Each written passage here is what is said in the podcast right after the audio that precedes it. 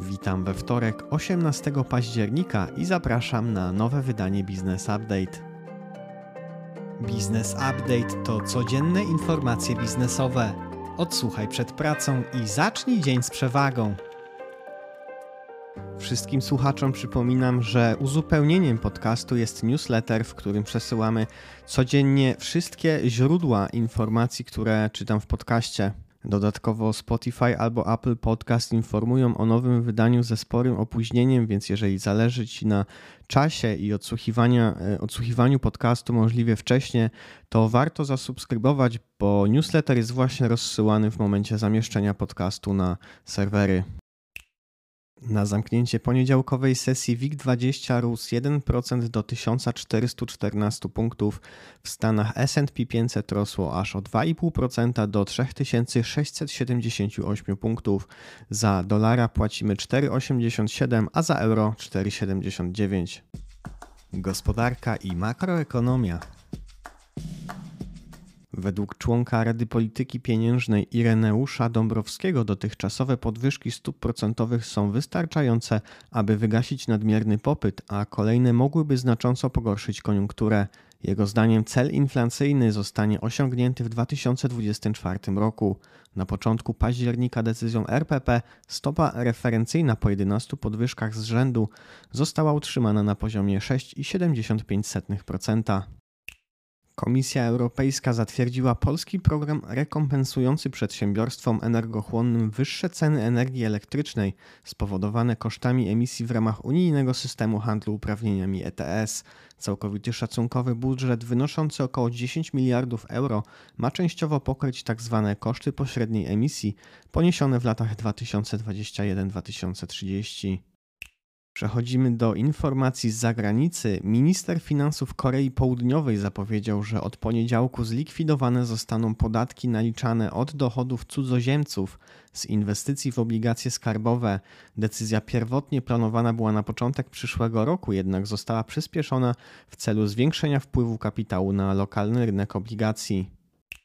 Przeciętny Amerykanin stracił w ostatnim czasie około 25% wartości swoich oszczędności emerytalnych na tzw. Tak kontach 401k ze względu m.in. na utrzymującą się od 7 miesięcy inflację powyżej 8% oraz prowadzoną politykę fiskalną. Jest to ekwiwalent około 34 tysięcy dolarów. Informacje biznesowe. Airbud, jedna z czołowych grup budowlanych w Polsce, poinformowała, że w strategii ESG planuje uzyskanie 20% udziału energii odnawialnej w miksie energetycznym do 2025 roku, osiągnięcie neutralności klimatycznej w zakresie pośrednich emisji do 2030 roku, a także rozwój biznesu nastawiony na inwestycje zrównoważone. Metro Properties, zarządzający siecią centrów M1, wprowadził aplikację H-Hour Store umożliwiającą najem powierzchni w swoich centrach handlowych. Aplikacja pozwala wynająć powierzchnię w centrum handlowym od jednej godziny na wybrany okres. Płatność dokonywana jest online, a umowa i faktura generowane są automatycznie. Cały proces można przeprowadzić z poziomu smartfona. PGE wybuduje w porcie Ustka bazę operacyjną serwisową dla morskich farm wiatrowych grupy. Prace budowlane mają zacząć się w 2024 roku. Strategicznym celem grupy PGE jest osiągnięcie do 2040 roku co najmniej 6,5 GW mocy wytwórczej w technologii offshore na Morzu Bałtyckim. Medical Algorithmics z branży medtech zawarł z Systemedic umowę dotyczącą dystrybucji swoich produktów i rozwiązań na rynku izraelskim. Kontrakt jest efektem planowanego wzmocnienia portfolio o wykorzystanie algorytmów sztucznej inteligencji Cardiolytics poprzez współpracę podjętą z Biofund. Przechodzimy do wiadomości biznesowych z zagranicy. Elon Musk poinformował, że jego firma nadal będzie finansowała dostęp do internetu przez terminale Starlink na Ukrainie. To zwrot po piątkowej informacji, że SpaceX nie będzie mógł bezterminowo finansować tej usługi dla Ukrainy. Według Muska operacja Starlink na Ukrainie kosztowała SpaceX 80 milionów dolarów, a do końca roku przekroczy 100 milionów dolarów. Beyond Meat, producent roślinnych substytutów mięsa z Los Angeles, planuje zredukować 19% swojej siły roboczej, czyli około 200 miejsc pracy. Cięcia mają na celu osiągnięcie dodatnich przepływów pieniężnych w drugiej połowie przyszłego roku. Akcje firmy od wejścia na giełdę spadły około 80%.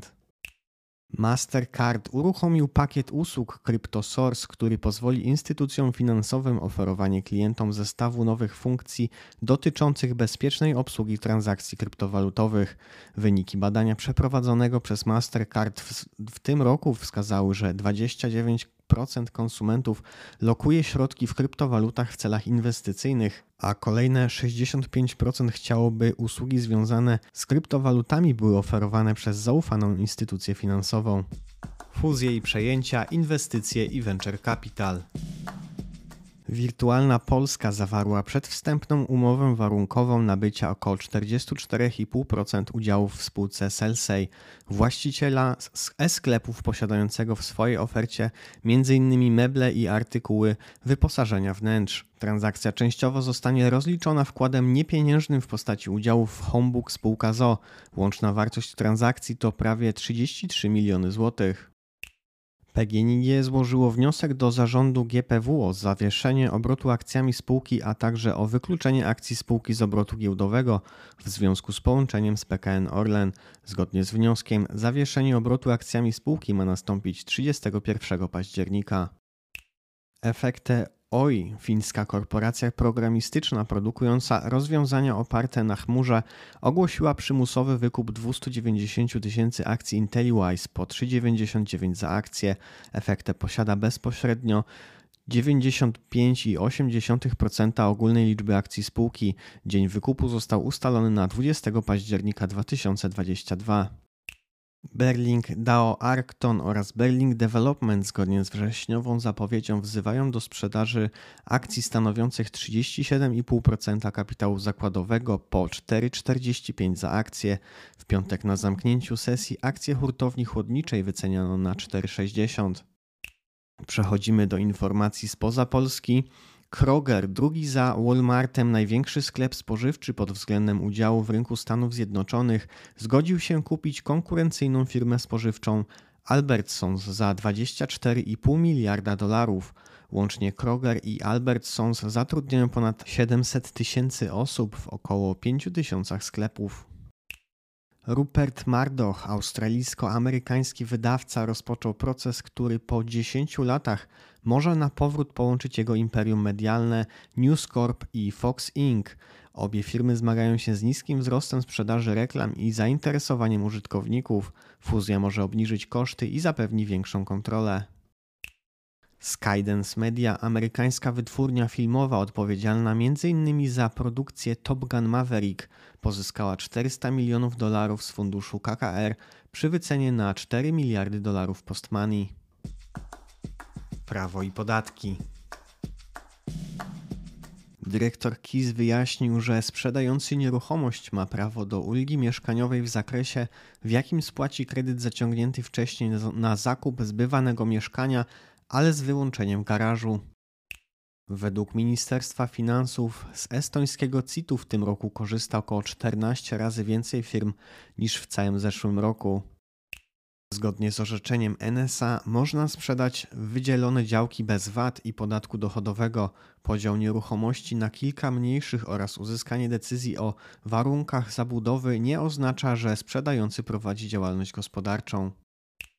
UOKiK sprawdza sposoby oznaczania materiałów reklamowych, tzw. Tak content marketingu w internetowych serwisach informacyjnych, jak również w profilach w mediach społecznościowych. Jest to sygnał ostrzegawczy dla redakcji, które nieprawidłowo oznaczają materiały sponsorowane.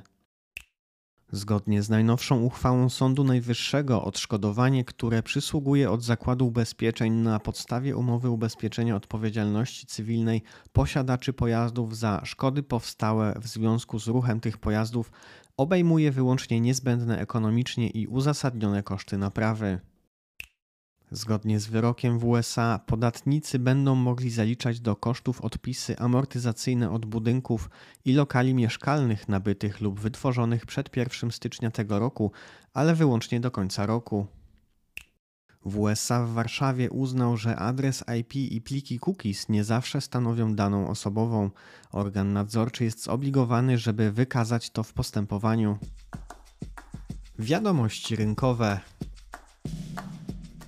Z badania przeprowadzonego przez Kantar wynika, że w drugim kwartale tego roku najbardziej znaną marką płatności bezgotówkowych w Polsce jest Blik. Z systemem zaznajomione jest 95% użytkowników aplikacji bankowych, a niemal 50% wskazało, że Blik to pierwszy wybór przy transakcjach bezgotówkowych.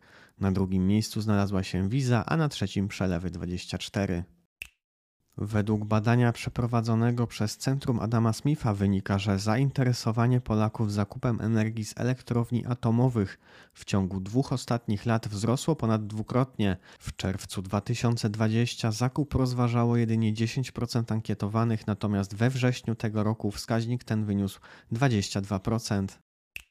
Polska Izba Ubezpieczeń podała, że w pierwszej połowie tego roku łączna składka przypisana brutto z polis sprzedanych w kanale bankowym mocno wyhamowała i wyniosła 2 miliardy 700 milionów złotych względem 3 miliardów 400 milionów w zeszłym roku.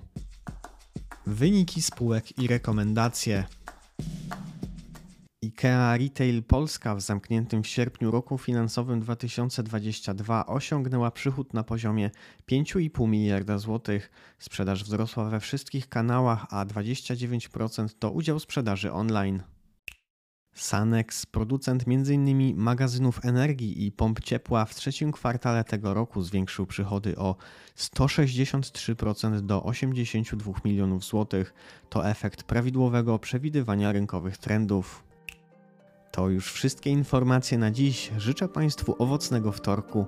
Jeżeli podcast jest pomocny, będziemy wdzięczni za polecanie go dalej. Do usłyszenia jutro.